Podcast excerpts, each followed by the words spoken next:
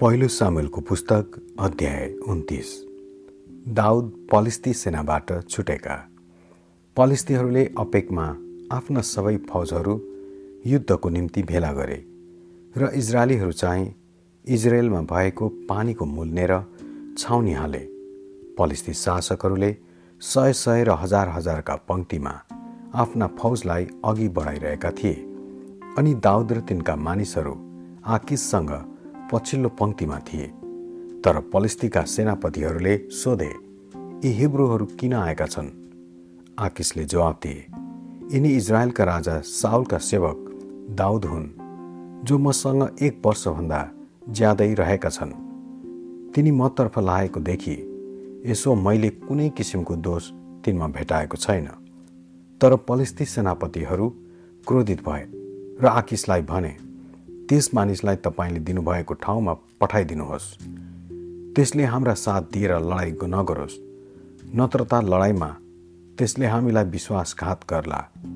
हाम्रो प्राण लिएर आफ्नो मालिकको निगाह प्राप्त गर्न त्यसलाई यसभन्दा राम्रो मौका अरू के होला र? के यो त त्यही दाउद होइन र जसको विषयमा तिनीहरूले यसो भनेर गाउँदै नाचेका थिए। साउलले हजारौँ हजारलाई ध्वंस गरे र दाउदले त लाखौँ लाखलाई ध्वंस गरे। तब आकिसले दाउदलाई बोलाइ पठाए र तिनलाई भने जीवित परमप्रभुको नाउँमा म भन्दछु कि तिमी सोझा मानिसौ र मेरो सेनामा तिम्रो सेवाले म सन्तुष्ट छु। तिमी मसँग आएका देखि यसो मैले तिमीमा कुनै दोष भेटाएको छैन तर अरू शासकहरू तिमीलाई लिन राजी छैनन्। यसकारण शान्तिसँग घर जाऊ। र तिनीहरूले खराब सम्झेको कुनै कुरा तिमीबाट नहोस्। दाउदले भने मैले के गरेको छु?